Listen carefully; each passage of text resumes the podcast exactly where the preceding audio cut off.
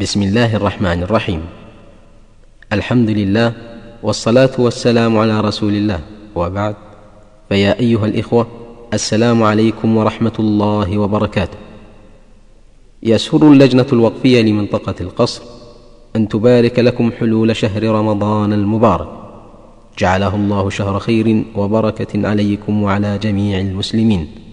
إنه سميع عليم. ويسر اللجنة أن تقدم لكم هذه المادة ضمن قائمة أنشطتها وإنجازاتها. نسأل الله أن يتقبل منا ومنكم. والآن مع مادة هذا الشريط. بسم الله الرحمن الرحيم. أيها المستمعون الكرام السلام عليكم ورحمة الله وبركاته. وأهلا ومرحبا بكم في لقائنا هذا الذي سنستعرض فيه أسئلة حول الصيام. نعرض هذه الأسئلة على فضيلة الشيخ محمد بن صالح التيمين إمام وخطيب جامع عنيزة والأستاذ بفرع جامعة الإمام محمد بن سعود الإسلامية في القصيم. مرحبا بفضيلة مرحبا بكم أهلا. آه فضيلة الشيخ ما المقصود بالصيام في اللغة والشرع؟ الحمد لله رب العالمين وأصلي وأسلم على نبينا محمد وعلى آله وأصحابه ومن تبعهم بإحسان إلى يوم الدين.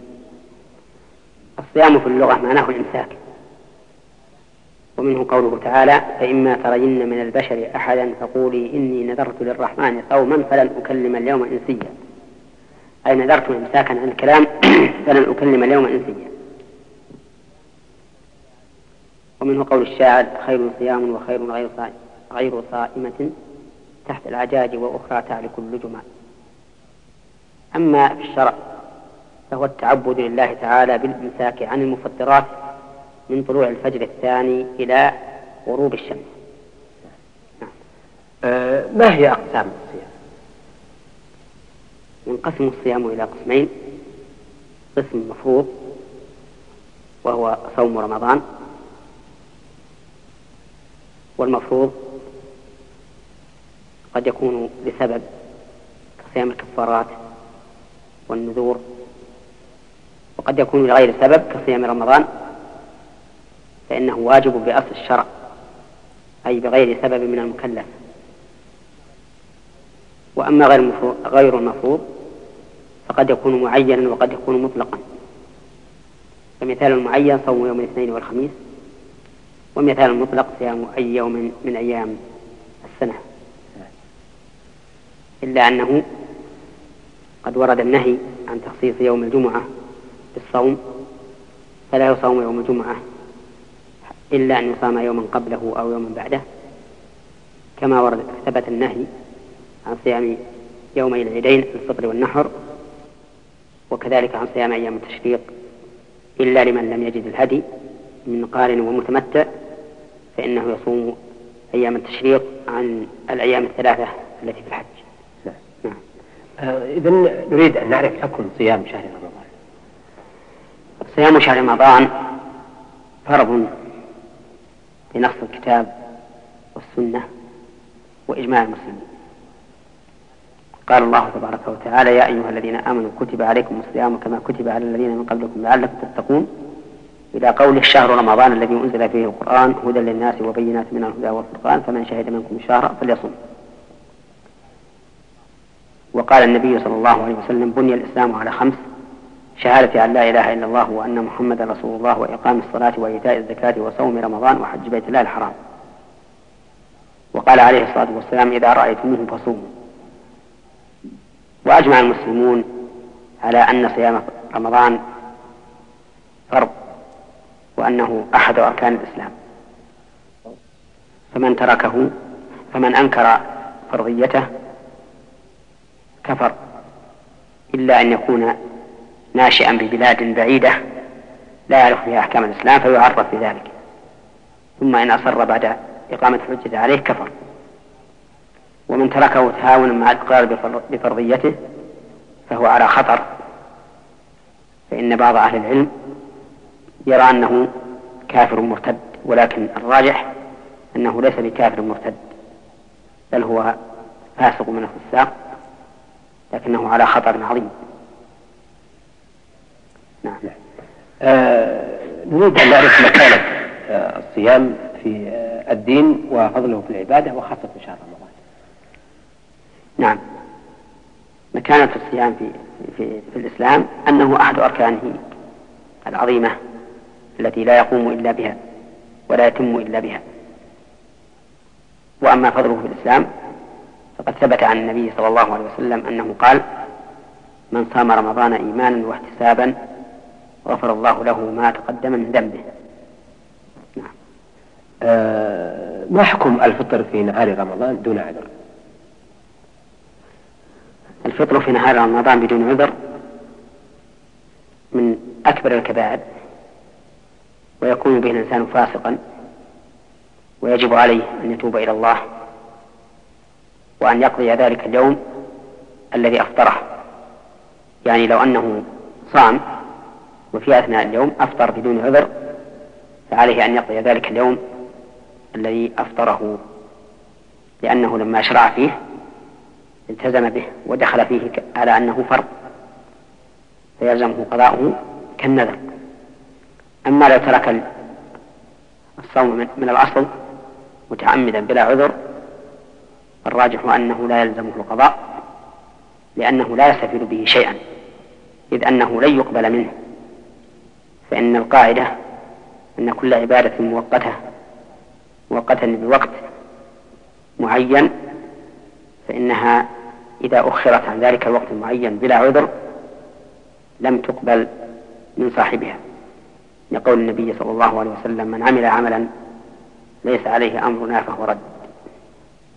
ولأنه من تعدي حدود الله عز وجل وتعدي حدود الله تعالى ظلم. والظالم لا يقبل منه. قال الله تعالى ومن يتعدى حدود الله فأولئك هم الظالمون. ولأنه لو قدم هذه العبادة على وقتها أي فعلها قبل دخول الوقت لم تقبل منه فكذلك إذا فعلها بعده لم تقبل منه إلا أن يكون معذورا. نعم. آه إذا عرفنا حكم الفطر في نهار رمضان وعرفنا مكانة الصيام فبماذا يثبت شهر رمضان؟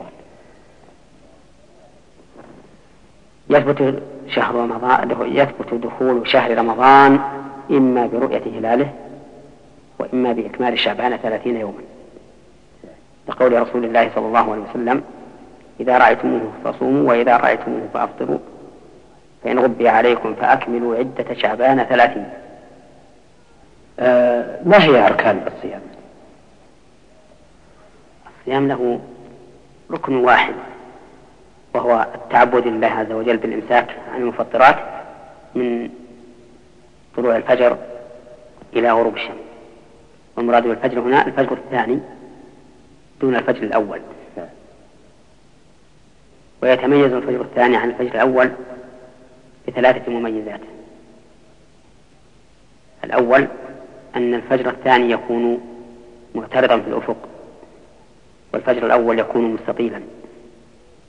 أي ممتدا من المشرق إلى المغرب. أما الفجر الثاني فهو ممتد من الشمال إلى الجنوب. الميزة الثانية أن الفجر الثاني لا ظلمة بعده بل يستمر النور في ازدياد حتى تطلع الشمس. وأما الفجر الأول فيظلم بعد أن يكون له شعاع. والمميز الثالث أن الفجر الثاني متصل بياضه بالأفق. وأما الفجر الأول فبينه وبين الأفق ظلمة. والفجر الأول ليس له حكم في الشرع فلا تحل به صلاة الفجر ولا يحرم به الطعام على الصائم بخلاف بخلاف الفجر الثاني. نعم نعم. نريد أن نعرف على من يجب الصيام. الصيام يجب أداء على كل مسلم بالغ عاقل قادر مقيم خال من الموانع. فهذه ستة أوصاف. مسلم بالغ عاقل قادر مقيم خال من الموانع. فأما الكافر فلا يجب عليه الصوم. ولا ولا غيره من العبادات. ومعنى قولنا لا يجب عليه الصوم أنه لا يلزم به حال كفره ولا يلزمه قضاؤه بعد بعد إسلامه. لأن الكافر لا تقبل منه عبادة حال كفره لقوله تعالى وما منعهم أن تقبل من نفقاتهم إلا أنهم كفروا بالله وبرسوله. ولا يلزمه قضاء العبادة إذا أسلم لقوله تعالى قل للذين كفروا إن ينتهوا يغفر لهم ما قد سلف. لكنه يعاقب على ما تركه من واجبات حال كفره لقوله تعالى عن أصحاب اليمين وهم يتساءلون عن المسلمين ما سلككم في سقر قالوا لم نكن من المصلين ولم نكن نطعم المسكين. وكنا نخوض مع الخائضين وكنا نكذب بيوم الدين حتى أتانا اليقين. فذكرهم ترك الصلاة وإطعام المسكين من أسباب دخولهم النار يدل على أن لذلك تأثيرا في دخولهم النار. بل إن الكافر يعاقب. على كل ما يتمتع به من نعم الله من طعام وشراب ولباس. وقول الله تعالى ليس على الذين آمنوا وعملوا الصالحات جناح فيما طعموا إذا ما اتقوا وآمنوا وعملوا الصالحات ثم اتقوا وآمنوا ثم اتقوا وأحسنوا والله يحب المحسنين. فنفي الجناح الجناح عن المؤمنين فيما طعموا يدل على ثبوت الجناح على غير المؤمنين فيما طعموا. ولقوله تعالى قل من حرم زينة الله التي أخرج لعباده والطيبات من الرزق. قل هي للذين آمنوا في الحياة الدنيا خالصة يوم القيامة. وقول الذين آمنوا في الحياة الدنيا خالصة يوم القيامة يدل على أن الحكم في غير المؤمنين يختلف عن الحكم في المؤمنين. ولكن إذا أسلم الكافر في أثناء رمضان لم يلزمه قضاء ما سبق إسلامه. فإذا أسلم ليلة الخامسة عشر مثلا فالأيام الأربعة عشر الأربعة عشر لا يلزمه قضاؤها. وإذا أسلم في أثناء اليوم لزمه الإمساك دون القضاء. فإذا أسلم عند زوال الشمس مثلا قلنا له أمسك بقية يومك ولا يلزمك القضاء فنأمره بالإمساك لأنه صار من أهل الوجوب. ولا نأمره بالقضاء لأنه قام بما وجب عليه وهو الإمساك من حين أسلم ومن قام بما يجب عليه لم يكلف إعادة العبادة مرة ثانية.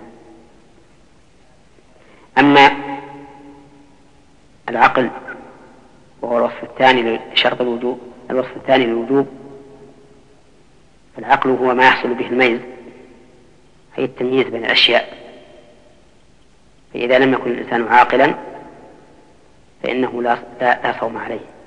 كما أنه لا يجب عليه شيء من العبادات سوى الزكاة. ومن هذا النوع أي ممن ليس له عقل أن يبلغ الإنسان سنا يسقط معه التمييز. وهو ما يعرف عند العامة بالهدرات. فلا يلزم المهذري صوم ولا يلزم عنه إطعام لأنه ليس من أهل الوجوب. أما الوصف الثالث فهو البلوغ. ويحصل البلوغ بواحد من أمور ثلاثة. إما بأن يتم للإنسان خمس عشرة سنة أو أن ينبت العانة وهي الشعر الخشن الذي يكون عند القبل أو ينزل المني بلذة سواء كان ذلك باحتلام أو بيقظة. وتزيد المرأة أمرا رابعا وهو الحيض.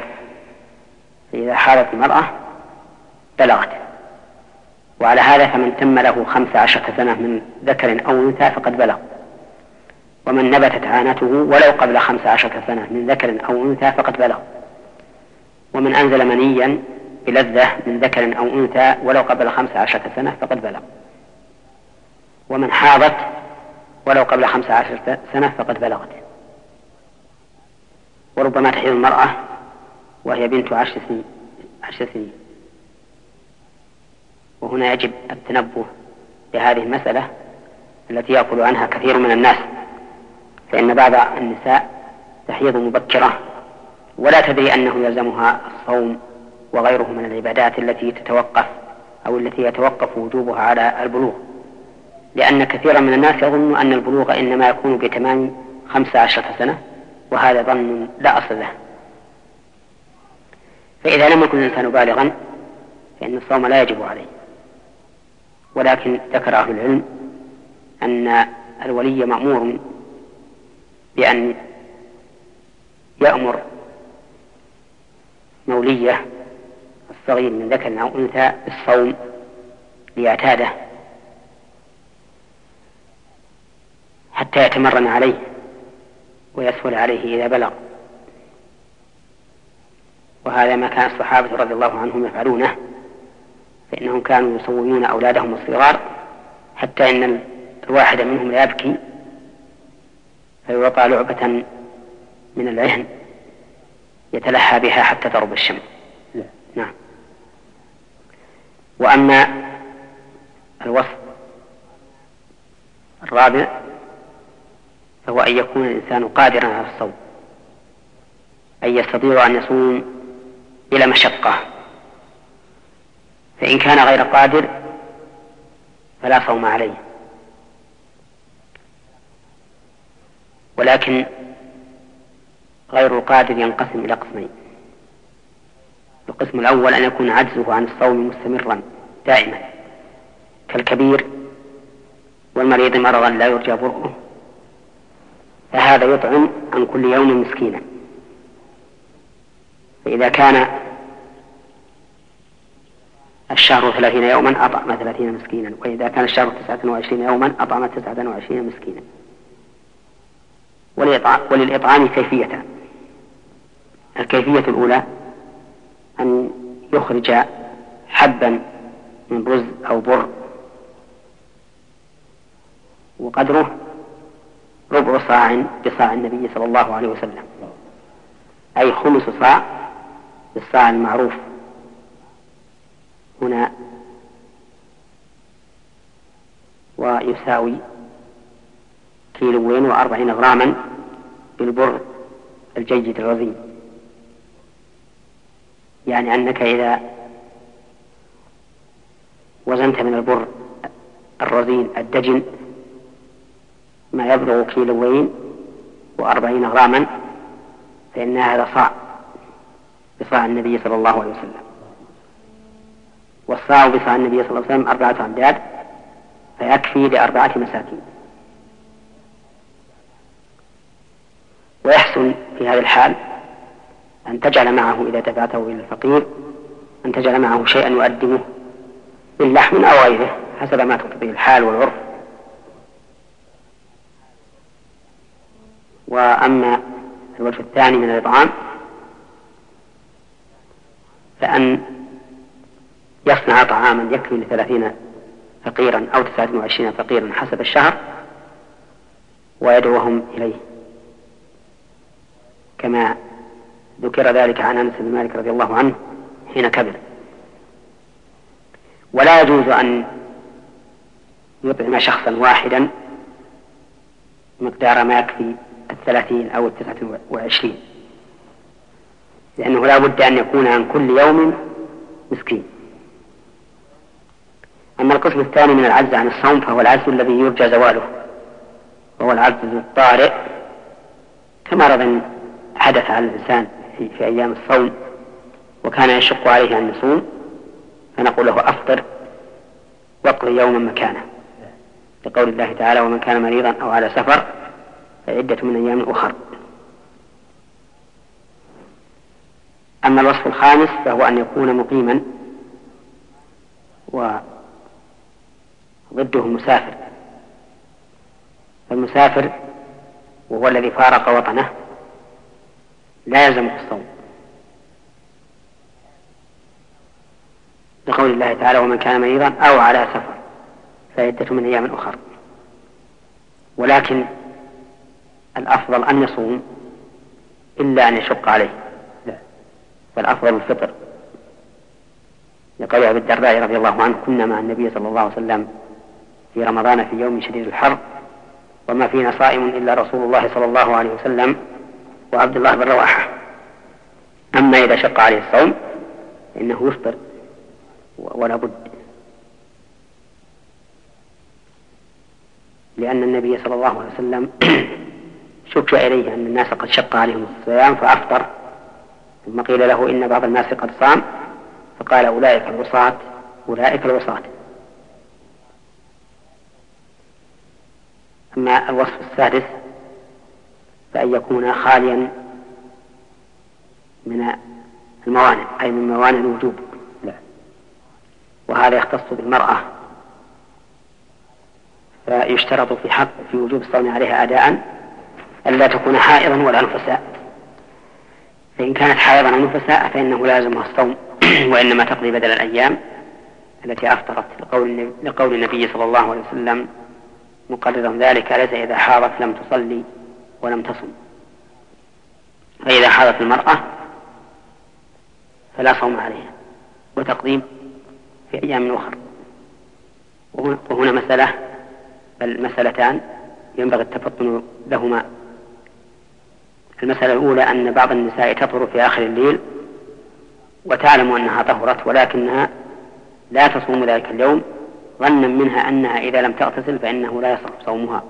وليس وليس الأمر كذلك. بل صومها يصح وإن لم تغتسل إلا بعد طلوع الفجر. وأما المسألة الثانية فهي أن بعض النساء تكون صائمة فإذا غربت الشمس وأفطرت جاءها الحيض قبل أن تصلي المغرب. فبعض النساء يقول إنه إذا أتاها الحيض بعد الفطر وقبل صلاة المغرب فإن صومها ذلك النهار يفسد. وكذلك بعض النساء يبالغ أيضا ويقول إذا جاءها قبل صلاة العشاء إذا جاءها الحيض قبل صلاة العشاء فإن صومها ذلك اليوم يفسد وكل هذا ليس بصحيح. فالمرأة إذا غربت الشمس وهي لم تخرج وهي لم ترى فالمرأة إذا غابت الشمس وهي لم ترى الحيض خارجا فصومها صحيح. حتى لو خرج بعد غروب الشمس بلحظة واحدة فصومها صحيح.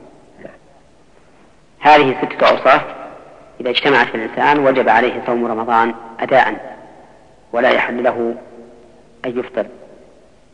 فإن تخلف واحد منها فعلى ما سمعت. نعم شكرا لثابكم الله. آه نريد أن نعرف حكم صيام تارك الصلاة. تارك الصيام تارك الصلاة صومه ليس بصحيح ولا مقبول منه لأن تارك الصلاة كافر مرتد. لقوله تعالى فإن تابوا وأقاموا الصلاة وآتوا الزكاة فإخوانكم في الدين. ولقول النبي صلى الله عليه وسلم لا الذي بيننا وبينهم الصلاة فمن تركها فقد كفر. ولقوله صلى الله عليه وسلم بين الرجل وبين الشرك والكفر ترك الصلاة. ولأن هذا قول عامة الصحابة إن لم يكن إجماعا منهم. قال عبد الله بن شقيق رحمه الله وهو من التابعين. المشهورين كان أصحاب النبي صلى الله عليه وسلم لا يرون شيئا ما تركه كفر غير الصلاة. وعلى هذا فإذا صام الإنسان وهو لا يصلي فصومه مردود غير مقبول. ولا نافع له عند الله يوم القيامة. ونحن نقول ونحن نقول له ونحن نقول له صم. ونحن نقول له صلي ثم صم. أما أن تصوم ولا تصلي صومك مردود عليك. لأن الكافر لا تقبل منه العبادة. نعم. آه، أيضا نود أن نعرف الأعذار المبيحة للفطر في شهر رمضان المبارك. الأعذار المبيحة للفطر سبق الإشارة إلى بعضها وهو المرض والسفر. ومن الأعذار أن تكون المرأة حاملا تخاف على نفسها أو على جنينها. ومن الأعذار أيضا أن تكون المرأة مرضعا تخاف إذا صامت على نفسها أو على رضيعها. ومن الأعذار أيضا أن يحتاج الإنسان إلى الفطر لإنقاذ معصوم من هلكة مثل أن يجد غريقا في البحر أو شخصا بين أماكن محيطة به فيها نار فيحتاج في إنقاذه إلى الفطر فله حينئذ أن يفطر وينقذه. ف ومن ذلك أيضا إذا احتاج الإنسان إلى الفطر للتقوي على الجهاد في سبيل الله فإن ذلك من أسباب إباحة الفطر له. لأن النبي صلى الله عليه وسلم قال لأصحابه في غزوة الفتح إنكم لاقوا العدو غدا فأفطروا فالفطر أقوى لكم فإذا وجد السبب المبيح للفطر وأفطر الإنسان به فإنه لازمه الإمساك بقية ذلك اليوم. فإذا قدر أن شخصا أفطر لإنقاذ معصوم من هلكة فإنه يستمر مفطرا. لأنه أفطر بسبب يبيح له الفطر. فلا يلزمه الإمساك حينئذ لكون حرمة ذلك اليوم قد زالت بالسبب المبيح للفطر. ولهذا نقول بالقول الراجح في هذه المسألة أن المريض لو برئ في أثناء النهار وهو كان مفطرا فإنه لازمه الإمساك. ولو قدم المسافر أثناء النهار إلى بلده وكان مفطرا فإنه لازمه الإمساك ولو طهرت الحائض أثناء النهار وكانت مفطرة وطبعا هي مفطرة. نعم إذا نقول صواب العبارة ولو طهرت الحائض في أثناء النهار فإنه لا يلزمها الإمساك لأن هؤلاء كلهم أفطروا بسبب مبيح للفطر فكان ذلك اليوم في حقهم لا حرمة لهم لإباحة الشرع الإفطار فيه فلا يلزمهم الإمساك إذا إذا زال السبب المبيح للفطر. نعم. نعم. لكن ما الفرق بين هذه الحالة ولو جاء العلم بدخول رمضان في أثناء النهار؟ نعم. الفرق بينها ظاهر لأنه إذا قامت البينة في أثناء النهار فإنه يلزمهم الإمساك لأنه في أول النهار إنما أفطروا بالعذر عذر الجهل ولهذا لو كانوا عالمين بأن هذا اليوم من رمضان لزمهم الإمساك نعم. أما أولئك القوم الآخرون الذين أشرنا إليهم فهم يعلمون أنه من رمضان لكن الفطر مباح لهم بينهما فرق ظاهر نعم. نعم. آه نود أن نعرف مفسدات الصوم وهل لها شروط نعم مفسدات الصوم هي المفطرات وهي الجماع والأكل والشرب وإنزال المني بشهوة وما بمعنى الأكل والشرب والقيء عمدا والحجامة وخروج دم الحيض والنفاس. هذه ثمانية مفطرات. أما الأكل والشرب والجماع فدليلها قوله تعالى فالآن باشرهن وابتغوا ما كتب الله لكم وكلوا واشربوا حتى يتبين لكم الخيط الأبيض من الخيط الأسود من الفجر ثم أتموا الصيام إلى الليل. وأما إنزال المني شهوة فدليله قوله تعالى في الحديث القدسي الصائم يدع طعامه وشرابه وشهوته من أجله وإنزال المني شهوة لقول النبي صلى الله عليه وسلم وفي بضع أحدكم صدقة قالوا يا رسول الله أيأتي أحدنا شهوته ويكون له فيها أجر؟ قال أرأيتم لو وضعها في الحرام أي كان عليه وزر؟ فكذلك إذا وضعها في الحلال كان له أجر. والذي يوضع إنما هو المني الدافق. ولهذا كان القول الراجح أن المذي لا يفسد أن المذي لا يفسد الصوم حتى وإن كان بشهوة. الرابع الخامس ما كان بمعنى الأكل والشرب وهو الإبر المغذية التي يستغنى بها عن الأكل والشرب. لأن هذه وإن كانت ليست أكلا ولا شربا لكنها بمعنى الأكل والشرب حيث يستغنى بها عنه. وما كان بمعنى الشيء فله حكمه.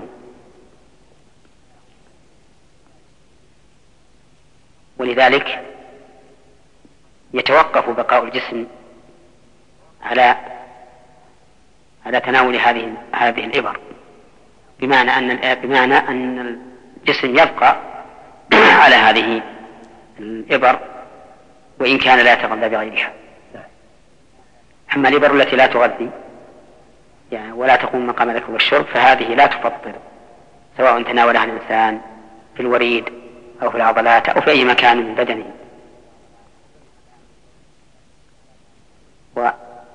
والسادس القيء عمدا أي أن يتقيأ الإنسان ما في بطنه حتى يخرج من فمه. لحديث أبي هريرة رضي الله عنه أن النبي صلى الله عليه وسلم قال من استقاء عمدا فليقض ومن درعه القيء فلا قضاء عليه. والحكمة في ذلك أنه إذا تقيأ فرغ بطنه من من من الطعام واحتاج البدن إلى ما يرد عليه هذا الخلو. ولهذا نقول إذا كان الصوم فرضا فإنه لا يجوز للإنسان أن يتقيأ لأنه إذا تقيأ ضر نفسه وأفسد صومه الواجب. وأما السابع وهو خروج الدم بالحجامة فلقول النبي صلى الله عليه وسلم أفطر الحاجم والمحجوم. وأما خروج دم الحيض والنفاس فلقول النبي صلى الله عليه وسلم أنت إذا حاضت؟ لم تصلي ولم تصم. وقد أجمع أهل العلم على أن الصوم لا يصح من الحائض ومثلها النفساء. وهذه المفطرات وهي مفسدات الصوم لا تفسده إلا بشروط, إلا بشروط ثلاثة. وهي العلم والذكر والقصد. أي أن الصائم لا يفسد صومه بهذه المفسدات إلا بشروط ثلاثة. أن يكون عالما عالم بالحكم الشرعي وعالم بالحال أي بالوقت. فإن كان جاهلا بالحكم الشرعي أو بالوقت فصيامه صحيح. لقول الله تعالى ربنا لا تؤاخذنا إن نسينا أو أخطأنا. فقال الله تعالى قد فعلت. ولقوله تعالى وليس عليكم جناح فيما أخطأتم به ولكن ما تعمدت قلوبكم. ولثبوت السنة في ذلك. في الصحيح من حديث علي بن حاتم رضي الله عنه أنه صام فجعل تحت وسادته عقالين وهما الحبلان اللذان تشد بهما يد الجمل أحدهما أسود والثاني أبيض وجعل يأكل ويشرب حتى تبين له الأبيض من الأسود. ثم أمسك. فلما أصبح غدا على رسول الله صلى الله عليه وسلم فأخبره بذلك فبين له النبي صلى الله عليه وسلم أنه ليس المراد بالخيط الأبيض بالخيط الأبيض والأسود في الآية الخيطين المعروفين وإنما المراد بالخيط الأبيض بياض النهار وبالخيط الأسود الليل. أي سواده نعم. ولم يأمره النبي صلى الله عليه وسلم بقضاء الصوم. لأنه كان جاهلا بالحكم. يظن أن هذا هو معنى الآية الكريمة. وأما الجهل بالوقت فلحديث أسماء بنت أبي بكر رضي الله عنهما وهو في البخاري قالت أفطرنا على عهد النبي صلى الله عليه وسلم في يوم غيم ثم طلعت الشمس. ولم يأمرهم النبي صلى الله عليه وسلم بالقضاء. ولو كان القضاء واجبا لأمرهم به ولو أمرهم به لنقل إلى الأمة. لقول الله تعالى إنا نحن نزلنا الذكر وإنا له لحافظون. فلما لم ينقل مع توافر الدواعي على نقله علم أن النبي صلى الله عليه وسلم لم يأمرهم به. ولما لم يأمر به لم يأمرهم به أي بالقضاء علم أنه ليس بواجب. نعم.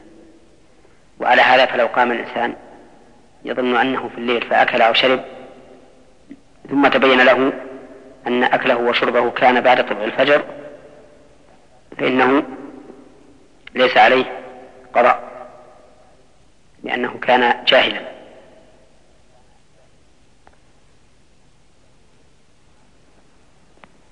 وأما الشرط الثاني فهو أن يكون ذاكرا وضد ذكر النسيان. فلو أكل أو شرب ناسيا فإن صومه صحيح. ولا قضاء عليه. لقول الله تعالى ربنا لا تؤاخذنا إن نسينا وأخطأنا. فقال الله تعالى قد فعلت. ولحديث أبي هريرة رضي الله عنه أن رسول الله صلى الله عليه وسلم قال من نسي وهو صائم فأكل أو شرب فليتم صومه فإنما أطعمه الله وسقاه. وأما القصد فهو أن يكون الإنسان مختارا لفعل هذا المفطر فإن كان غير مختار فإن صومه صحيح سواء كان مكرها أم غير مكره. لقول الله تعالى في المكره على الكفر من كفر بالله من بعد إيمانه إلا من أكره وقلبه مطمئن بالإيمان ولكن من شرح بالكفر صدرا فعليهم غضب من الله ولهم عذاب عظيم. فإذا كان الحكم يرتفع حكم الكفر يرتفع بالإكراه فما دونه من باب أولى. وللحديث الذي يروى عن رسول الله صلى الله عليه وسلم إن الله رفع عن أمة الخطأ والنسيان وما استكرهوا عليه. وعلى هذا فلو طار إلى أنف الصائم غبار ووجد طعمه في حلقه ونزل إلى معدته فإنه لا يفطر بذلك لأنه لم يتقصده. وكذلك لو أكره على الفطر فأفطر دفع للإكراه فإن صومه صحيح لأنه غير مختار.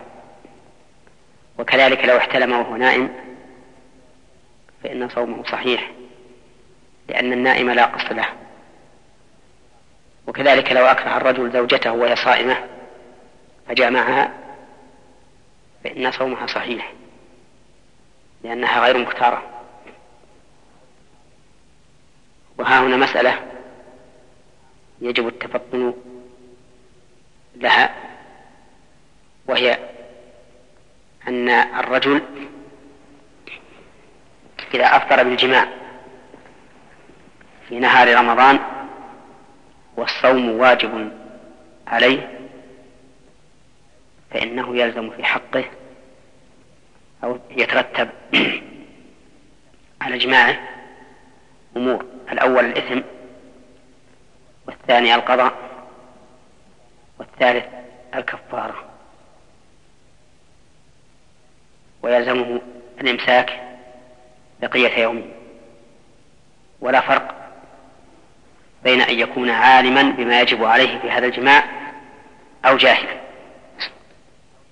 يعني أن الرجل إذا جامع في صيام رمضان والصوم واجب عليه ولكنه لا يدري أنه أن الكفارة تجب عليه فإن الكفارة واجبة لأنه تعمد المفسد.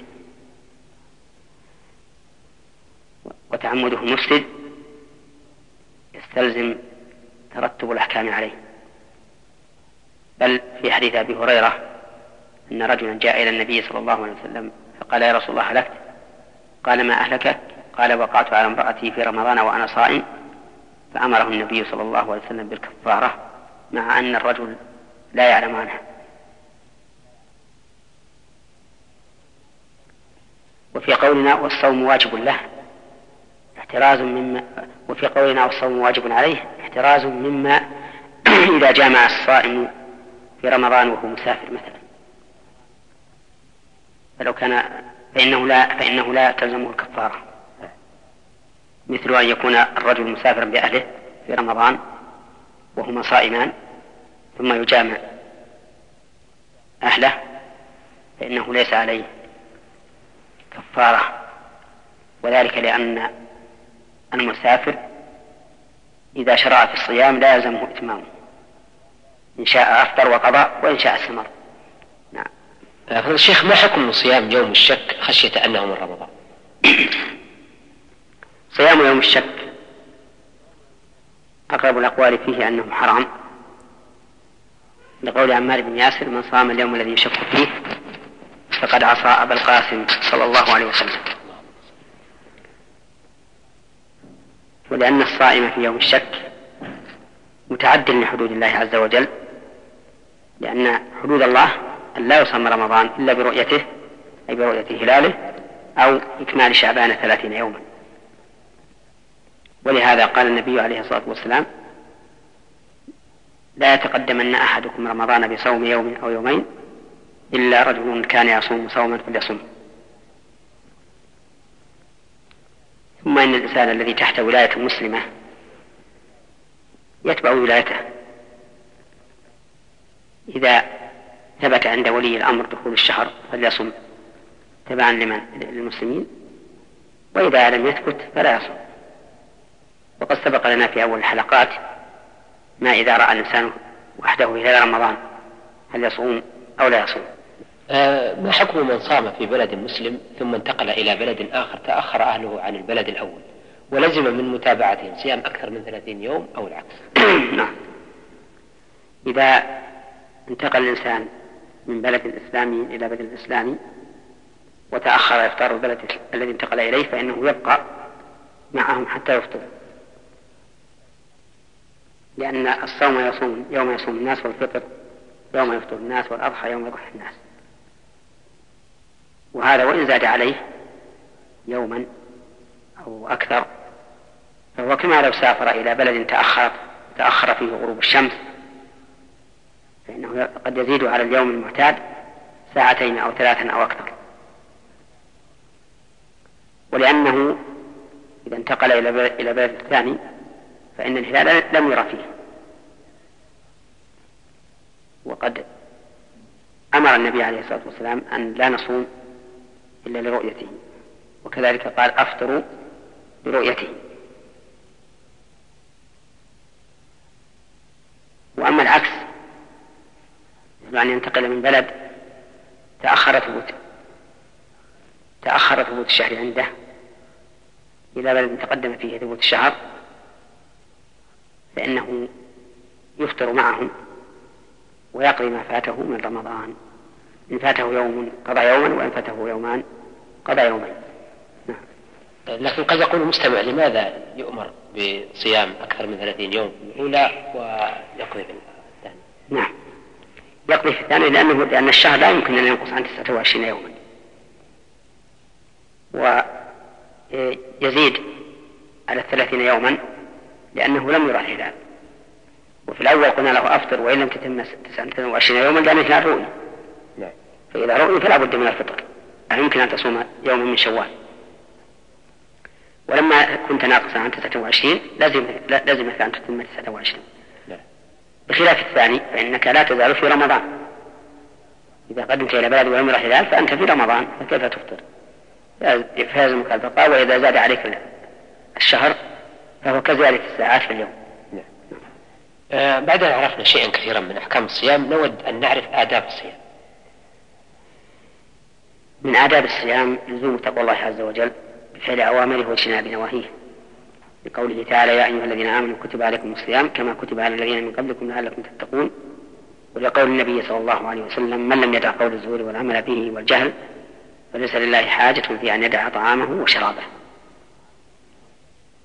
ومن آداب الصوم أن يكثر من الصدقة والبر والإحسان, والإحسان إلى الناس.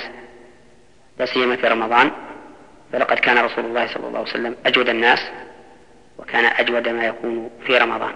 حين يلقاه جبريل فيدارسه القرآن. ومنها أن يتجنب ما حرم الله عليه من الكذب والسب والشتم والغش والخيانة والنظر المحرم والاستماع إلى الشيء المحرم. إلى غير ذلك من المحرمات التي يجب على الصائم وغيره أن يتجنبها ولكنها في الصائم أوكد. ومنها أي من آداب الصيام أن يتسحر وأن يؤخر السحور. لقول النبي صلى الله عليه وسلم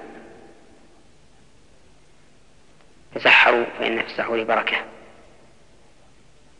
ومن آدابه أيضا أن يفطر على رطب فإن لم يجد فتمر فإن لم يجد فعلى ماء وأن يبادر بالفطر من حين أن يتحقق غروب الشمس أو يغلب على ظنه أنها غربت. لقول النبي صلى الله عليه وسلم لا يزال الناس بخير ما عجلوا الفطر. نود أن نعرف في هذا اللقاء حكم أكل آه وشرب من شك في طلوع الفجر. نعم. يجوز للإنسان أن يأكل ويشرب حتى يتبين له الفجر. لقول الله تعالى فالآن باشروهن وابتغوا ما كتب الله لكم وكلوا واشربوا حتى يتبين لكم الخيط الأبيض من الخيط الأسود من الفجر ثم أتموا الصيام إلى الليل. فما دام لم يتيقن أن الفجر قد طلع فله الأكل ولو كان شاكا حتى يتيقن. بخلاف من شك في غروب الشمس فإنه لا يأكل حتى يتيقن غروب الشمس أو يغلب على ظنه غروب, غروب الشمس. نعم.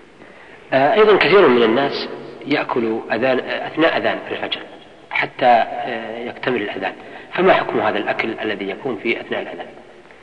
حكم هذا الأكل الذي يكون في أثناء الأذان حسب أذان المؤذن. فإن كان لا يؤذن إلا بعد أن يتيقن طلوع الفجر فإن الواجب الإمساك من حين أن يؤذن. لقول النبي صلى الله عليه وسلم كلوا واشربوا حتى تسمعوا أذان ابن يوم المكتوب وإن كان لا يتيقن طلوع الفجر فالأولى أن يمسك إذا أذن وله أن يأكل حتى يفرغ المؤذن. ما دام لم يتيقن لأن الأصل بقاء الليل لكن الأفضل الاحتياط وأن لا يأكل بعد أذان الفجر. آه، ما حكم خروج الدم من الصائم من فمه أو أنفه أو بقية؟ جسمه لا يضره خروج ذلك لأنه بغير قصد منه. فلو أرعف أنفه وخرج منه ماء آه، دم كثير فلو أرعف أنفه وخرج منه دم كثير فإن صومه صحيح ولا ضرر عليه. نعم. طيب لو تسبب في خروج الدم كأن يخلع ضرسه؟ لا حرج عليه أيضا لأنه لم يخلع ضرسه ليخرج الدم وإنما خلع ضرسه لعدم فيه فهو, فهو إنما يريد إزالة هذا الضرس ثم إن الغالب أن الدم الذي يخرج خلع الضرس الغالب أنه دم يسير لا يكون له معنى الحجامة نعم. آه، سبق أن سألنا عن حكم من أكل أو شرب آه، شاكا في طلوع الفجر. آه، لكن ولم يتبين له. لكن ما حكم من أكل أو جامع نعم. حتى لو تبين له. لأنه سبق لنا في المفطرات. نعم. أنه يشترط أن يكون عالما فإذا أكل وهو شاك في طلوع الفجر ثم تبين له بعد ذلك أن الفجر قد طلع هذا شيء عليه نعم آه بعد تقدم الوسائل خاصة وسائل السفر كمل السؤال أظن نعم هو هذا السؤال ما حكم من أكل أو جامع ظن غروب الشمس أو عدم طلوع الفجر فتبين له عكس نعم. نعم. آه إذا أفطر في الأرض مثلا ثم أقلعت الطائرة وبانت له الشمس فما الحكم؟ الحكم أن أنه لازمه الإمساك. لأنه لما غربت الشمس تم يومه وأفطر بمقتضى الدليل الشرعي. وما عمله الإنسان بمقتضى الدليل الشرعي فإنه لا يؤمر بإعادته. آه فضيلة الشيخ محمد ما حكم الجماع في نهار رمضان ذاكرا أو ناسيا وما الذي يلزم الجماع في نهار رمضان كغيره من المفطرات إن كان الإنسان في سفر ليس عليه في ذلك بأس. سواء كان صائما أم مفطرا. لكن إن كان صائما وجب عليه قضاء ذلك اليوم. وأما إذا كان ممن يلزمه الصوم فإنه إن كان ناسيا فلا شيء عليه أيضا. لأن جميع المفطرات إذا نسي الإنسان فأصابها فصومه صحيح. وإن كان ذاكرا ترتب على ذلك خمسة أمور. الإثم وفساد صوم ذلك اليوم ولزوم الإمساك ولزوم القضاء. والكفارة. والكفارة عتق رقبة فإن لم يجد فصيام شهرين متتابعين فإن لم يستطع فإطعام ستين مسكينا. لحديث أبي هريرة رضي الله عنه أن رجلا جاء إلى النبي صلى الله عليه وسلم فقال يا رسول الله هلكت فقال النبي صلى الله عليه وسلم ما أهلكت قال وقعت على امرأتي في رمضان وأنا صائم. فذكر له النبي صلى الله عليه وسلم خصال الكفارة عتق رقبة فقال إنه لم, لم لا يجد. فقال صيام شهرين متبعين فقال إنه لا يستطيع. فقال إطعام ستين مسكينا. فقال إنه لا يجد. ثم جلس الرجل وأتي النبي صلى الله عليه وسلم بتمر فقال له النبي صلى الله عليه وسلم خذ هذا فتصدق به. قال أعلى أفقر مني يا رسول الله فما فوالله ما بين لابتيها أهل بيت أفقر مني. فضحك النبي صلى الله عليه وسلم حتى بدت أنيابه أو نواجذه ثم قال أطعمه أهلك. نعم. آه، طيب إذا تعدد الجماع في اليوم أو في رمضان في شهر رمضان فهل تتعدد هذه الكفارة؟ المشهور من مذهب الإمام أحمد أنه إذا تعدد في يومين ولم يكفر عن الجماع في يوم ولم يكفر عن الجماع الأول كفاه كفارة واحدة. وإن تعدد في يومين لزمه لكل يوم كفارة. لأن كل يوم عبادة مستقلة. نعم. ما حكم صيام المسافر إذا شق عليه؟ إذا شق عليه الصوم مشقة محتملة فهو مكروه. لأن النبي صلى الله عليه وسلم رأى رجلا قد ظلل عليه والناس حوله زحام. فقال ما هذا؟ قالوا صائم. فقال ليس من البر الصيام في السفر. وأما إذا شق عليه مشقة شديدة فإن الواجب عليه الفطر لأن الرسول صلى الله عليه وسلم لما شك إليه الناس أن أنهم قد شق عليهم الصيام أفطر. ثم قيل له إن بعض الناس قد صام فقال أولئك العصاة وأولئك العصاة. وأما من لا يشق عليه الصوم فالأفضل أن يصوم. اقتداء برسول الله صلى الله عليه وسلم حيث كان كما قال أبو الدرداء رضي الله عنه كنا مع رسول الله صلى الله عليه وسلم في رمضان في شيء في حر شديد وما منا صائم إلا رسول الله صلى الله عليه وسلم وعبد الله بن رواحة. نعم.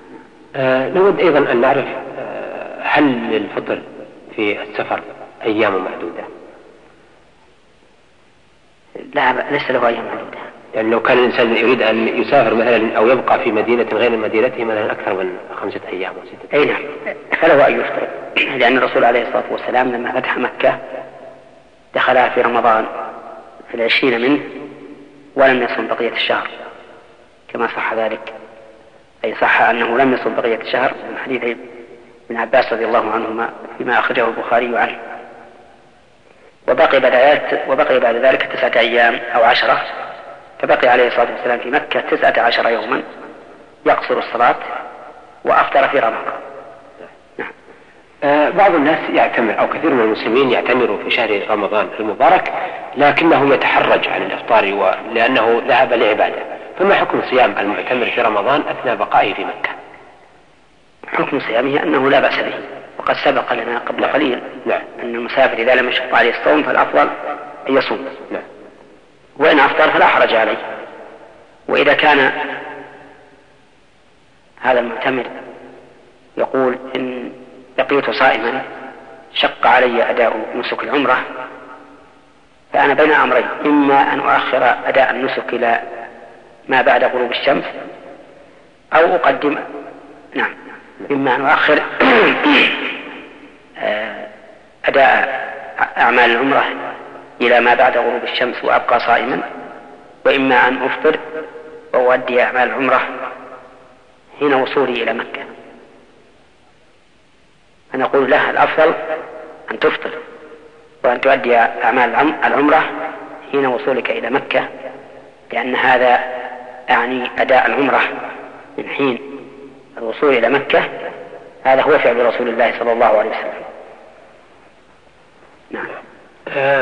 ما حكم الصيام في رمضان؟ ما ما حكم الصيام السفر في شهر رمضان من أجل الإفطار؟ ونود أن نعرف كيف يكون ذلك. الصيام في الأصل واجب على الإنسان بل هو فرض من وركن من أركان الإسلام كما هو معروف. والشيء الواجب في الشرع لا يجوز للإنسان أن يفعل حيلة ليسقطه عن نفسه. فمن سافر من أجل أن يفطر كان السفر حراما عليه وكان الفطر كذلك حراما عليه. فيجب عليه أن يتوب إلى الله عز وجل وأن يرجع عن سفره ويصوم. فإن لم يرجع وجب عليه أن يصوم ولو كان مسافرا. وخلاصة الجواب أنه لا يجوز للإنسان أن يتحيل على الإفطار في رمضان بالسفر لأن التحيل على إسقاط الواجب لا يسقطه كما أن التحيل على المحرم لا يجعله مباحا نعم آه ما حكم قضاء الفائت من رمضان ومتى يكون ذلك؟ قضاء الفائت من رمضان كيف لا؟ المبادرة به ولا إيش؟ نعم نعم المبادرة به يعني. المبادرة به بقضاء رمضان أفضل من التأخير لأن الإنسان لا يدري ما يعرض له وكونه يبادر ويقضي ما عليه من دين الصوم أحزم وأحرص على الخير. ولولا حديث عائشة رضي الله عنها قالت كان يكون علي الصوم في رمضان من رمضان فما أستطيع أن أقضيه إلا في شعبان. لولا هذا الحديث لقلنا بوجوب المبادرة بالقضاء وهذا الحديث يدل على أن من عليه شيء من رمضان لا يؤخره إلى رمضان الثاني. وهو كذلك. فلا يجوز لشخص عليه قضاء من رمضان أن يؤخره إلى رمضان آخر إلا من عذر كما لو بقي مريضا لا يستطيع أو كانت امرأة ترضع ولم تستطع أن تصوم فلا حرج عليها أن تؤخر قضاء رمضان الفائت إلى ما بعد رمضان الثاني نعم. نعم. أيضا السؤال لا يزال قائم لأن هناك بعض المسلمين خاصة خارج هذا البلد أو من يفدون إليه يعتبرون العبادة إذا فاتت أنها تسقط فإذا فاتت الصلاة عن مكانها لا تؤدى وإذا فات رمضان أو فاتهم شيء من رمضان لا يصومون فما حكم صيام من رمضان؟ أو يعني فائت من رمضان سبق لنا قاعدة نعم قلنا العبادات المؤقتة إذا أخرجها الإنسان عن وقتها لغير عذر فإنها لا تصح منه أبدا لو كررها ألف مرة. وعليه أن يتوب والتوبة كافية أما إذا كان ترك صيام رمضان لعذر من مرض سفر أو غيرهما فعليه القضاء كما قال الله تعالى ومن كان مريضا أو على سفر فعدة من أيام أخرى. إذا أفطر الإنسان في شهر رمضان ثم أتى رمضان الثاني دون عذر لقضاء هذا الفائت فهل يلزمه شيء مع الأداء؟ القول الراجح أنه لازمه إلا القضاء فقط وأنه لازمه الإطعام لعموم قوله تعالى ومن كان مريضا أو على سفر فعدة من أيام أخر.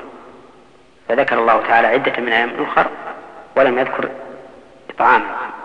والأصل براءة الذمة حتى يقوم دليل يدل على الوجوب. نعم. آه هل هناك فوارق بين الأداء والقضاء في شهر رمضان؟ إيه معلوم. بين فوارق عظيمة. القضاء كما سمعت آنفا موسع نعم. إلى رمضان الثاني والأداء مضيق. لا بد أن يكون في شهر رمضان. ثانيا الأداء تجب الكفارة في الجماع فيه. والقضاء لا تجب الكفارة في الجماع فيه. ثالثا الأداء إذا أفطر الإنسان في أثناء النهار بلا عذر فسد صومه ولكن يلزمه الإمساك بقية اليوم. احتراما للزمن. وأما القضاء فإذا أفطر الإنسان في أثناء اليوم فسد صومه ولكن لازمه الإمساك لأنه لا حرمة للزمن في في القضاء إذ أن القضاء واسع في كل الأيام. نعم. ما حكم من مات وعليه قضاء من شهر رمضان؟ إذا مات وعليه قضاء من رمضان فإنه يصوم عنه وليه وهو قريبه أو وارثه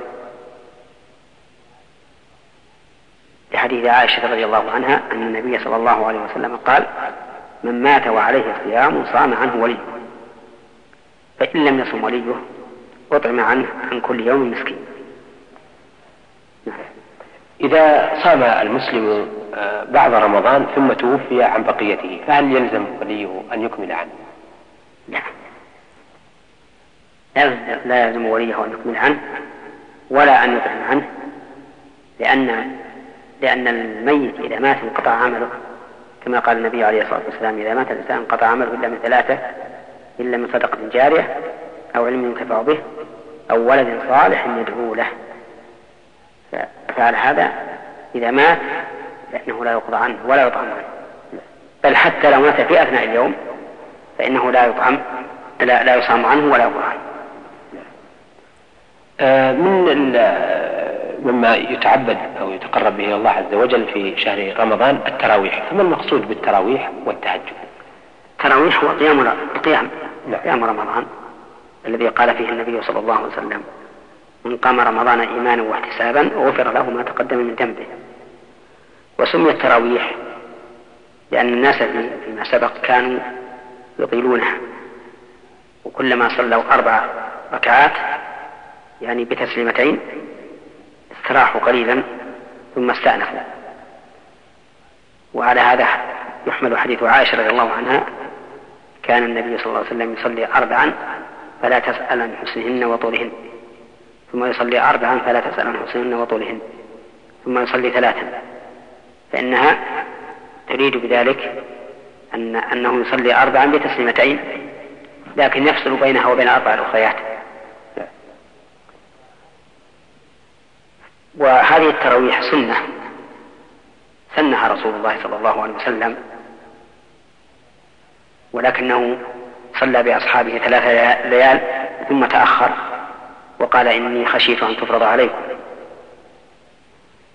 وينبغي للإنسان أن لا يفرط فيها لينال أجر أجر من قام رمضان. وهو مغفرة ما سبق ما تقدم من الذنب.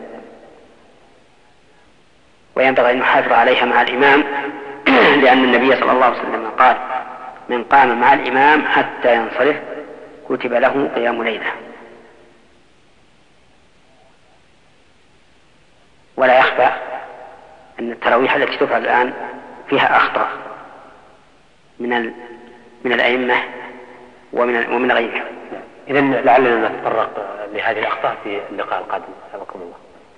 ذكرنا في فيما سبق أن هناك أخطاء يقع فيها بعض الأئمة وكذلك بعض الناس من غير الأئمة أما أخطاء الأئمة فكثير من من الأئمة يسرع في التراويح إسراعا عظيما بحيث لا يتمكن الناس من الطمأنينة وراءه.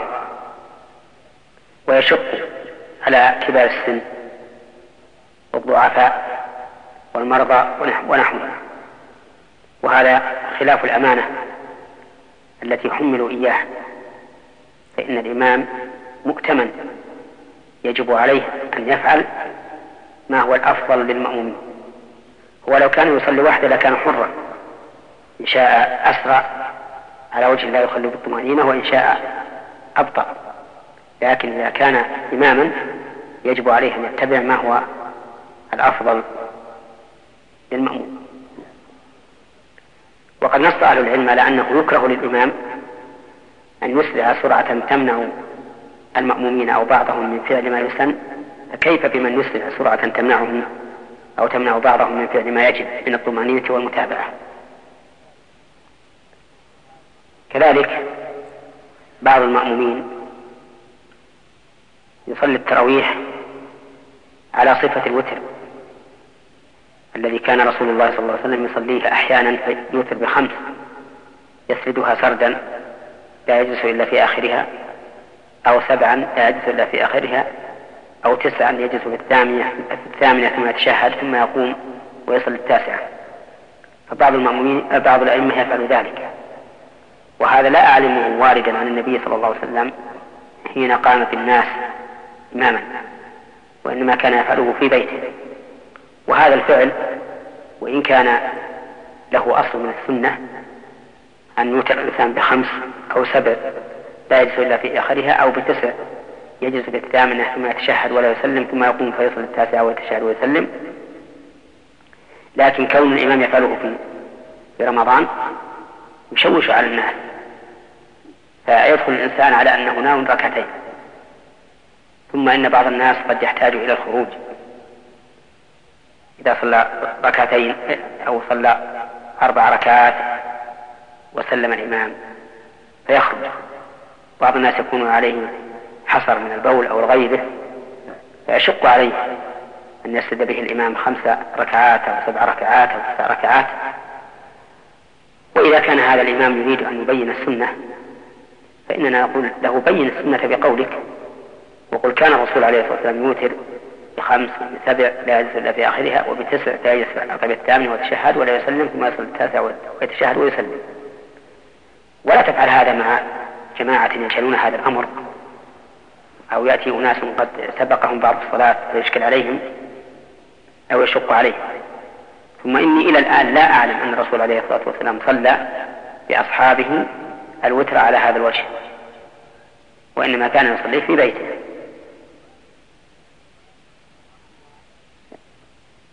وأما الأخطاء التي تقع من غير الأئمة ممن يصلون القيام فهو أن بعض الناس تجده يقطع هذه التراويح فيصلي في مسجد تسليمة أو تسليمتين وفي مسجد آخر كذلك ويضيع عليه الوقت فيفوته الأجر العظيم الذي قال فيه الرسول عليه الصلاة والسلام من صلى مع الإمام حتى ينصرف كتب له قيام ليلة. وهذا حرمان عظيم. كذلك أيضا بعض المأمومين تجده يخطئ في متابعة الإمام فيسابقه وقد ثبت عن النبي عليه الصلاة والسلام أنه قال أما يخشى الذي يرفع رأسه قبل الإمام أن يحول الله رأسه رأس حمار أو يجعل صورته صورة حمار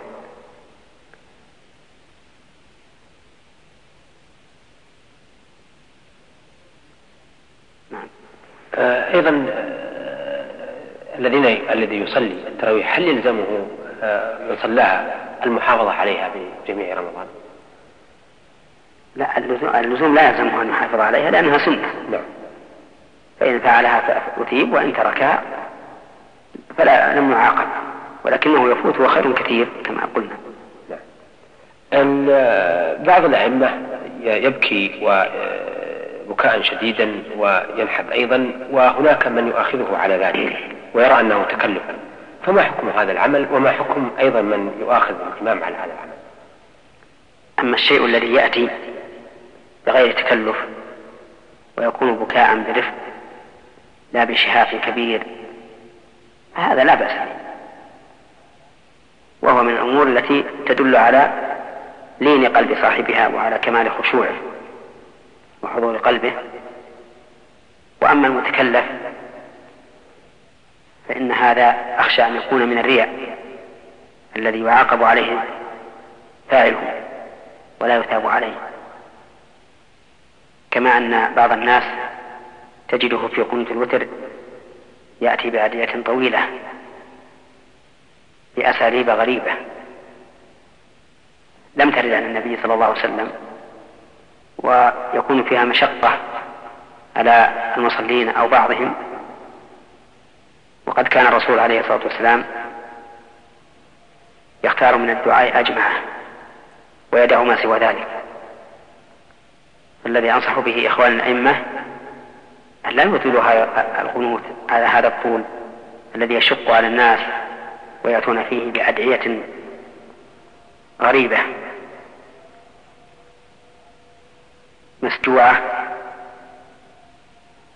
وخير الكلام ما قل ودل وكون الإنسان يأتي بالشيء على الوجه المشروع الذي لا يمل الناس أفضل من كونه يأتي به على وجه يمل به الناس نعم. آه بعض المأمومين يحمل المصحف في رمضان لمتابعة الإمام في صلاة الليل آه وقد يكون الإمام لا يحتاج إلى من يفتح عليه لأنه يقرأ في المصحف أيضا فما حكم ذلك؟ الذي نرى أن المأموم لا يحمل المصحف إلا للضرورة إلى ذلك. مثل أن يقول الإمام لأحد من الناس أنا لا, لا أضبط القراءة فأريد أن تكون خلفي تتابعني في المصحف فإذا أخطأت ترد علي. أما فيما عدا ذلك فإنه أمر لا ينبغي لما فيها من انشغال الذهن والعمل الذي لا داعي له وفوات السنة بوضع اليد. اليمنى على اليسرى فوق الصدر فالأولى أن لا يفعله الإنسان. نعم. إلا للحاجة كما أشرت إليه. نعم. هي ليلة القدر. فيحيون يحيونها بالصلاة والعبادة ولا يحيون غيرها في رمضان. فهل هذا موافق للصواب؟ لا ليس موافق للصواب. فإن ليلة القدر تتنقل قد تكون ليلة 27 وقد تكون في غير تلك الليلة. كما تدل عليه الأحاديث الكثيرة في ذلك. فقد ثبت عن النبي صلى الله عليه وسلم أنه ذات عام أري ليلة القدر فكان ذلك ليلة إحدى وعشرين. ثم إن القيام لا ينبغي أن يخصه الإنسان بالليلة التي ترجى فيها ليلة القدر أو لا ينبغي أن يخصه في الليلة. التي يرجو أن تكون هي ليلة القدر. بل الاجتهاد في العشر الأواخر كلها من هدي النبي صلى الله عليه وسلم. فقد كان إذا دخل العشر شد المئزر وأيقظ أهله وأحيا الليل عليه الصلاة والسلام.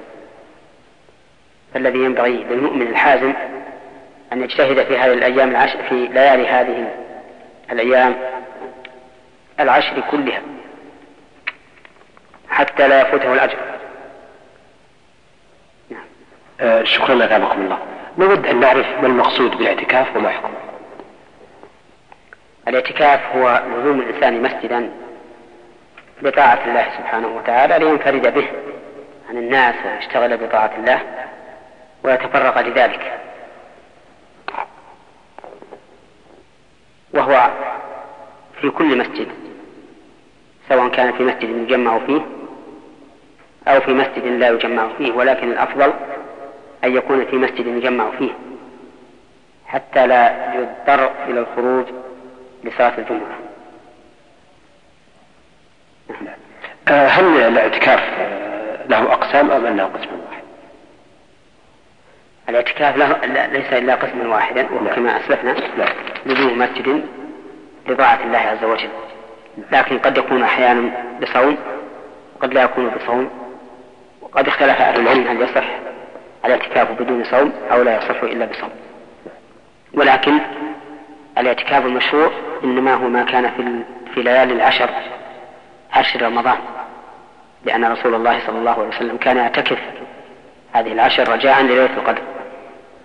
إذا آه، الاعتكاف له زمان محدد أو ويقتصر على رمضان أم يجوز في غير رمضان؟ المشروع أن يكون في في رمضان فقط. لأن النبي صلى الله صلى الله عليه وسلم لم يعتكف في غير رمضان إلا ما كان منه. في شوال حين ترك الاعتكاف سنة في رمضان فاعتكف في شوال. ولكن لو اعتكف الإنسان في غير رمضان لكان هذا جائزا لأن عمر رضي الله عنه سأل النبي صلى الله عليه وسلم فقال إني نذرت أن أعتكف ليلة أو يوما في المسجد الحرام فقال رسول الله صلى الله عليه وسلم أوف بنذرك. آه طيب هل للاعتكاف شروط محددة أو أركان أيضا محددة؟ الاعتكاف ركنه كما أسلفت لزوم المسجد نعم لطاعة الله عز وجل تعبدا له وتقربا إليه وتفرغا لعبادته. وأما شروطه فهو شروط بقية العبادات وهو من فمنها الإسلام والعقل ويصح من من غير من غير البالغ ويصح من الذكر ومن الأنثى ويصح بلا صوم ويصح في كل مسجد آه، إذا يجوز هل يجوز للمرأة أن تعتكف في مسجدها في منزلها؟ لا المرأة إذا أرادت الاعتكاف فإنما تعتكف في المسجد إذا لم يكن في ذلك محذور شرعي لا فإن كان في ذلك محذور شرعي فلا فلا تعتكف نعم. آه نود أن نعرف ما الذي يستحب للاعتكاف وما الذي يكره له يعني يستحب فيه؟ نعم. الذي يستحب في الاعتكاف أن يشتغل الإنسان بطاعة الله عز وجل من قراءة القرآن والذكر والصلاة وغير ذلك وأن لا يضيع وقته فيما لا فائدة فيه. كما يفعله بعض المعتكفين تجده يبقى في المسجد يأتيه الناس في كل وقت يتحدثون إليه ويقطع أو يقطع إعتكافه بلا فائدة. وأما التحدث أحيانا مع بعض الناس أو بعض الأهل فلا بأس به لما ثبت في الصحيحين من فعل رسول الله صلى الله عليه وسلم حين كانت صفية رضي الله عنها تأتي إليه فتتحدث عنده ساعة ثم تنقلب إلى بيته. أه فضيلة الشيخ محمد نود أن نعرف ما الذي يباح للمعتكف؟ أه المعتكف كما أسلفنا يلتزم المسجد للتفرغ لطاعة الله عز وجل وعبادته. فينبغي أن يكون أكثر همه اشتغاله بالقربات من الذكر وقراءة القرآن وغير ذلك. لا ولكن المعتكف أفعاله تنقسم إلى أقسام. قسم مباح قسم مشروع ومستحب وقسم ممنوع.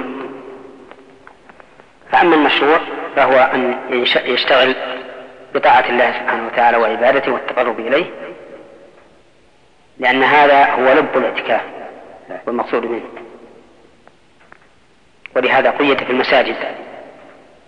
وقسم آخر هو القسم الممنوع هو ما ينافي الاعتكاف مثل أن يخرج الإنسان من المسجد بلا عذر أو يبيع أو يشتري أو يجامع زوجته أو ما أشبه ذلك لا.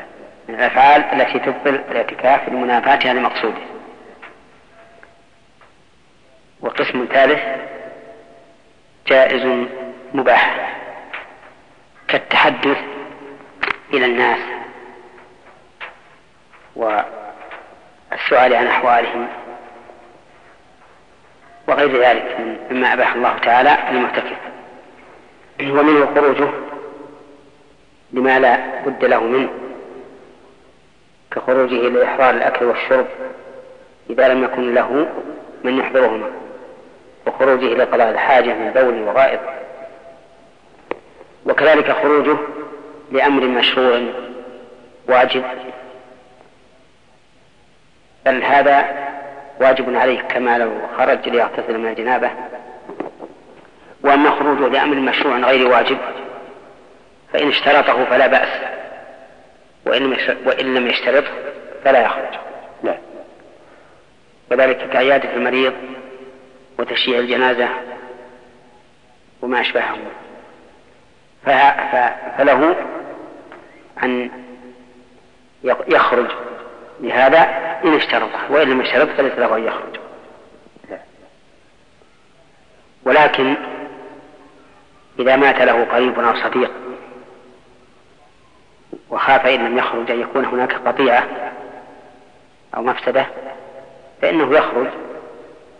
ولو بطل اعتكافه لأن الاعتكاف المستحب لا يلزم المضي فيه. طيب هل يلتزم المعتكف مكانا محددا في المسجد أم يجوز له التنقل في أنحائه؟ يجوز للمعتكف أن يتنقل في أنحاء المسجد من كل جهة لعموم قوله تعالى وأنتم عاكفون في المساجد في للظرفية فتشمل ما لو شغل الإنسان جميع الظرف نعم آه مما يتعلق أيضا بشهر رمضان المبارك زكاة الفطر. نود أن نعرف المقصود بزكاة الفطر وهل لها سبب؟ نعم. المقصود بزكاة الفطر صاع من طعام يخرجه الإنسان عند انتهاء رمضان. وسببها إخراج وسببها إظهار شكر نعمة الله سبحانه وتعالى على على العبد بفطر بالفطر من رمضان وإكماله. ولهذا سميت صدقة الفطر أو زكاة الفطر لأنها تنسب إليه. نعم. وهذا سببها الشرعي. أما سببها الوضعي فهو أن أنه إذا غابت الشمس من ليلة العيد وجبت. فلو فلو ولد للإنسان ولد بعد مغيب الشمس ليلة العيد لم تزمه فطرته وإنما تستحب. ولو مات الإنسان قبل غروب الشمس ليلة العيد لم تجب فطرته أيضا لأنه مات قبل وجود سبب الوجوب. ولو عقد الإنسان ولو عقد للإنسان على امرأة قبل غروب الشمس من آخر يوم رمضان لزمته فطرتها على قول كثير من أهل العلم لأنه لأنها كانت زوجته حين وجد السبب. فإن عقد له بعد غروب الشمس ليلة العيد لم تلزمه فطرتها. وهذا على القول بأن الزوج يلزمه فطرة زوجته وعياله. وأما إذا قلنا بأن كل إنسان تلزمه الفطرة عن نفسه كما هو ظاهر السنة فلا فلا فلا يصح التبديل في هذه المسألة. لا. إذا ما حكم زكاة الفطر؟ زكاة الفطر فريضة فرضها رسول الله صلى الله عليه وسلم كما قال عبد الله بن عمر رضي الله عنهما فرض رسول الله صلى الله عليه وسلم زكاة الفطر من رمضان صاع من تمر أو صاع من شيء فأما غير ذلك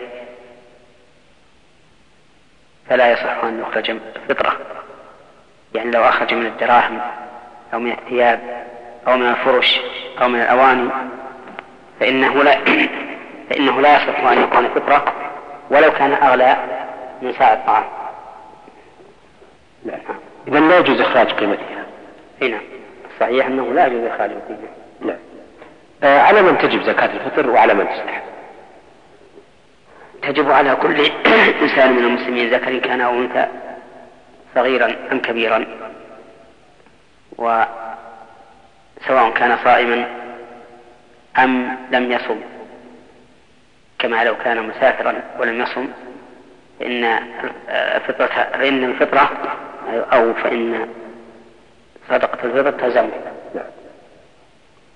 وأما من تستحب عنه فقد ذكر فقهاؤنا رحمهم الله أنه يستحب إخراجها عن الجنين عن الحمل في البطن ولا يجب. نعم. طيب ما حكم منعها وكيف يعامل؟ يعني مانعها منعها محرم لأنه خروج عما فرضه رسول الله صلى الله عليه وسلم كما سبق آنفا في حديث ابن عمر رضي الله عنه فرض رسول الله صلى الله عليه وسلم زكاة الفطر نعم. ومعلوم أن ترك أن ترك المفروض حرام وفيه الإثم والمعصية. آه، عرفنا أنها مقدارها آه، عرفنا مقدارها أنه صاع من طعام وعرفنا أيضا الأنواع لكن نود أن نعرف ما هي مصاريفها. ليس لها إلا مصر واحد فقط وهم الفقراء كما في حديث ابن عباس رضي الله عنهما قال فرض رسول الله صلى الله عليه وسلم زكاة الفطر طهرة للصائم من الرفث وال من اللغو والرفث وطعمة للمساكين. نعم. آه، لكن هل يجوز إعطاؤها للعمال والشغالات والشغالين غير المسلمين؟ لا. لا يجوز إعطاؤها إلا للفقير من المسلمين فقط. نعم. آه، أيضا نود أن نعرف حكم نقلها إلى البلدان البعيدة آه، بحجة وجود مثلا الفقراء الكثيرين من القارات أنها تخرج عن البلد نعم. نقل صدقة الفطر إلى بلاد غير بلاد الرجل الذي أخرجها. إن كان لحاجة لأن لم يكن عنده أحد من الفقراء فلا بأس به. وإن كان لغير حاجة بأن وجد في البلد من يتقبلها فإنه لا يجوز. طيب نود أيضا أن نعرف حكم وضعها عند الجار حتى يأتي الفقير دون توكيل من الفقير؟ نعم يعني يجوز للإنسان أن يضعها عند جاره ويقول هذه لفلان إذا جاء فأعطها إياه لكن لابد أن تصل يد الفقير قبل صلاة العيد لأنه وكيل عن صاحبه. أما لو كان الفقير قد وكله أما لو كان الجار قد وكله الفقير. وقال اقبل زكاة الفطر من جارك لي فإنه يجوز أن تبقى مع الوكيل ولو خرج الناس من صلاة نعم نعم. آه طيب لو آه مثلا آه وضعها عند جاره ولم يأتي آه من يستحقها قبل العيد وفات وقتها فما الحكم؟ ذكرنا إذا وضع على جاره عند جاره. نعم. فإما أن يكون جاره وكيلا للفقير فإذا بلغ وصلت إلى يد جاره فقد وصلت الفقير ولا يضر. وإلا فإن فإنه بأن كان الفقير لم يوكله فإنه يلزم الذي عليه الفطرة أن يدفعها بنفسه ويبلغها إلى أهلها. نعم. لكن السؤال لو مثلا آه، تأخرت عن يوم العيد فماذا يصنع؟ هل يعيدها إلى ماله أو؟ إذا تأخرت عن صلاة العيد ولم يؤدها فإنها لا تقبل لأنها عبادة مؤقتة لزمن معين فإذا أخرها لغير عذر فإنها لا تقبل أما إذا أخرها لعذر كالنسيان أو لعدم وجود الفقراء في تلك اللحظة فهذا لا بأس نعم. آه لكن في هذه الحالة يعيدها إلى ماله أو يلزم إخراجها إلى الفقير؟ ما ما سواء أعادها إلى ماله أو أو أو أبقاها حتى يأتي الفقير. نعم. آه بقي علينا نود أن نعرف ما الذي يقوله المسلم آه إذا رؤي هلال شوال وقبل صلاة العيد. نعم. الذي ينبغي للمسلم أن يكثر من التكبير والتهليل والتحميد لقول الله تبارك وتعالى ولتكن العدة ولتكبروا الله على ما هداكم ولعلكم تشكرون نعم ما هي صيغة التكبير الله أن يقول الله أكبر الله أكبر لا إله إلا الله والله أكبر الله أكبر ولله الحمد أو يقول الله أكبر الله أكبر الله أكبر لا إله إلا الله والله أكبر الله أكبر الله أكبر ولله الحمد نعم ختاما نسأل الله أن ينفع بهذه المادة ويسرنا أن نتلقى اقتراحاتكم واستفساراتكم في مقر اللجنة الوقفية لمنطقة القصر. والسلام عليكم ورحمة الله وبركاته.